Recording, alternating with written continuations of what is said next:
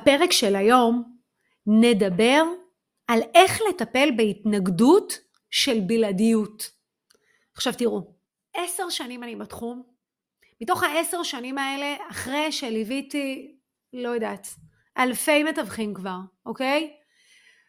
הבלעדיות היא לא ההתנגדות המשמעותית ביותר, ולרוב היא נובעת מפחד או סטיגמה שיש לבעל הנכס. ואני רוצה לדייק את הדבר הזה.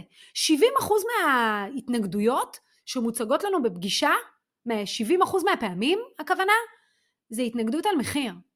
אם אתם מגיעים להסכמה על המחיר, והלקוח מבין את הערך, בעצם אתם יודעים מה, אני אדייק. רוב הפעמים בהם ההתנגדות של בעל הנכס היא כל כך משמעותית, זה בגלל שהוא לא מבין את הערך. ברגע שהוא לא מבין את הערך, זה לא משנה אם מה שנמכור לו, נמכור לו ב-500 שקל או ב-50 אלף שקל. הוא לא ישלם, אוקיי? עכשיו, ברגע שהוא הבין את הערך, ההתנגדות הכי משמעותית שלו זה מחיר. אם אנחנו נסגור את ההתנגדות של המחיר, לרוב בלעדיות לא מעניינת בכלל, לא בלעדיות ולא משך הבלעדיות. זה עניין טכני, זה מדבר על שיטת העבודה שלנו. ואם יש היגיון בדבר, קרוב לוודאי שבעל הנכס יסכים. אז אם נדמה לכם שבלעדיות זאת ההתנגדות הנפוצה, או לפחות זאת ההתנגדות שאתם נתקלים בה, יש לי הרגשה שאתם לא יודעים לזהות את ההתנגדות האמיתית. אז אני אלמד אתכם עכשיו גם איך לעשות את זה, אז בואו ניגע בעניין הזה. אז קודם כל, לפני שאתם מתחילים לטפל בכלל בהתנגדות, אתם חייבים להבין האם זאת ההתנגדות המוצגת או ההתנגדות האמיתית. ההתנגדות המוצגת היא זו שהלקוח מציג מול הפנים, אבל ההתנגדות האמיתית זה זו שמפריעה לו באמת באמת בבטן, ובאמת באמת מונעת ממנו מלקבל החלטה. איך תדעו? אם ישבתם מול בעל הנכס, עשיתם את הפגישה, בעל הנכס הבין, ועכשיו הוא אומר, תשמע, אני לא, אני לא חותם, אני לא חותם בלעדיות. אתה רוצה? תעבוד על הנכס. אתם, רגע לפני שאתם ממהרים לטפל בהתנגדות, צריכים לשאול אותו. רגע, אני רוצה שנייה להבין. בלעדיות זה הדבר היחיד שמפריע בינינו מלהתקדם? יש עוד משהו שמונע ממך להתקדם? אם פתרנו את נושא הבלעדיות, האם התקדמנו? ותחכו לתשובה. אם בעל הנכס אומר לכם לא, תדעו שזאת הייתה ההתנגדות המוצגת ועכשיו הוא תכף ישתף אתכם בהתנגדות האמיתית שלו. אם הוא אומר כן, כן, רק בלעדיות זה מה שמפריע לי. אם אתה סוגר לי את נושא הבלעדיות, מבחינתי אין בעיה. אם ככה הוא ענה, אז אתם יכולים להתחיל לטפל בבלעדיות. אז בואו ניגע בזה. בואו נגיד שהבנו שבלעדיות זאת אכן ההתנגדות האמיתית של הלקוח, אם פתרנו לו אותה, התקדמנו. אז בואו נדבר על זה. בלעדיות זאת למעשה שיטת עבודה. את זה אנחנו מבינים? אולי אנחנו מבינים, אבל האם בעל הנכס מבין? בעל הנכס צריך להבין. האם, מה זה בכלל בלעדיות? מה ההבדל בין בלעדיות להסכמה?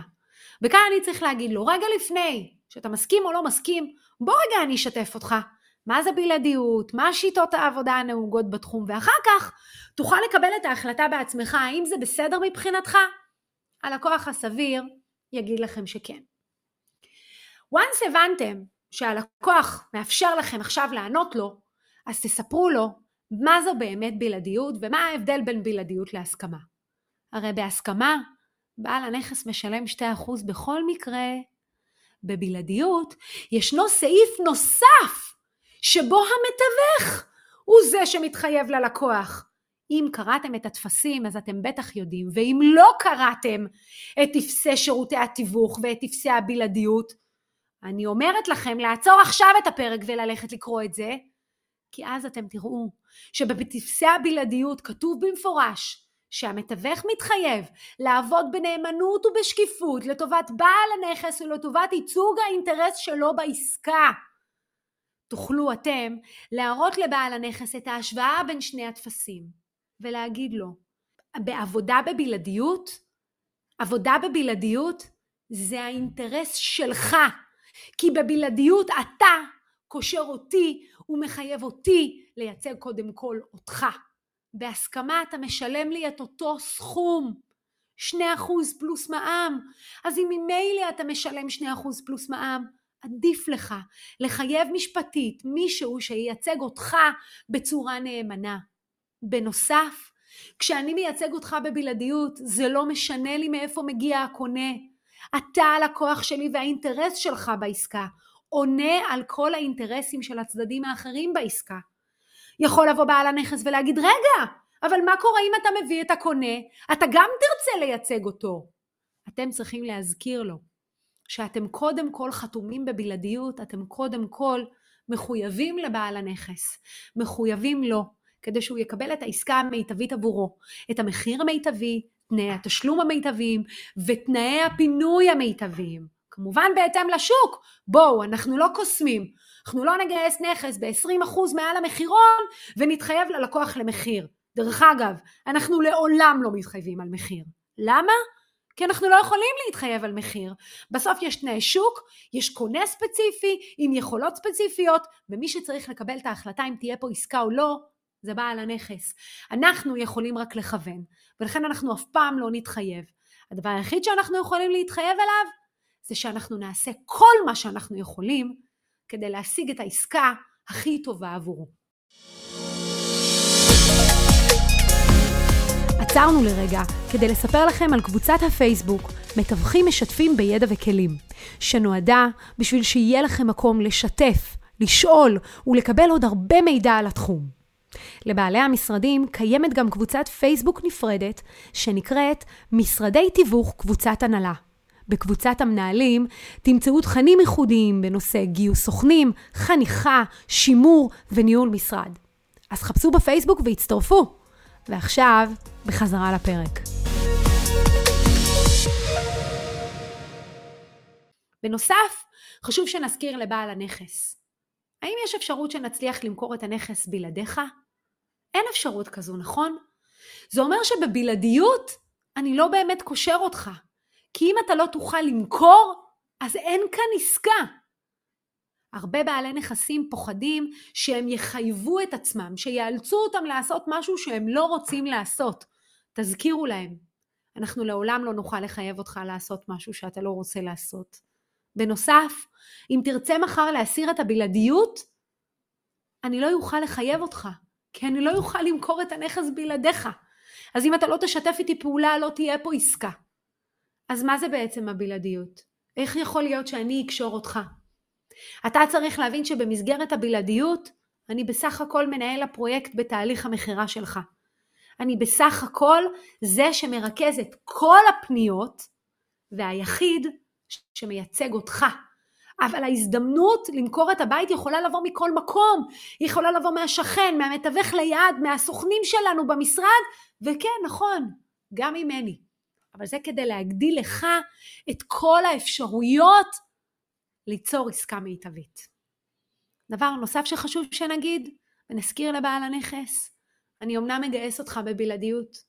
עבורך זה עסקה אחת. עבורי זה העסק שלי. ואני לא אסכן את המוניטין שלי בזה שאני אכריח לקוח להיות בעסקה שהוא לא מעוניין להיות בה. אני רוצה את כל הלקוחות שלי שגרירים. כל הכוח שלי, בדיוק כמוך, הוא תיק עבודות, שמחר הולך ומדבר בעדי. וזה הרבה יותר חשוב לי מלהחזיק אותך בכוח בבלעדיות. דבר האחרון שחשוב לי שתגידו לא, שבלעדיות זו רק תחילת המסע שלנו ביחד. בפועל אנחנו צועדים יד ביד לאורך כל התהליך, והאינטרס שלך זה האינטרס שמוביל אותי. הבלעדיות מאפשרת לי לעשות את זה בצורה מיטבית. עכשיו תחליט אתה בעל הנכס. כשאתה מבקש שאנחנו נטפל בעסקה הכי חשובה, הכי יקרה בחייך, היית רוצה שיהיה מישהו שייצג רק אותך? האם זה הגיוני שאם מישהו היה תובע אותך, היית משתמש בעורך דין אחר, או היית רוצה שזה יהיה עורך דין שייצג אותך, ולא ייצג את הצד השני? זה הגיוני שאני מייצג אותך בעסקה, וזה הגיוני שאתה נותן לי את הנכס בבלעדיות. לא סתם בארצות הברית ובקנדה ובצפון אמריקה אין שיטת עבודה אחרת. אך ורק בבלעדיות ואך ורק בכך שהמתווך משרת את בעל הנכס. אז יאללה, שיהיה לכם בהצלחה, תזכירו את זה לעצמכם, ותזכירו את זה לבעל הנכס בפעם הבאה שאתם נכנסים לפגישה. נתראה בפרק הבא.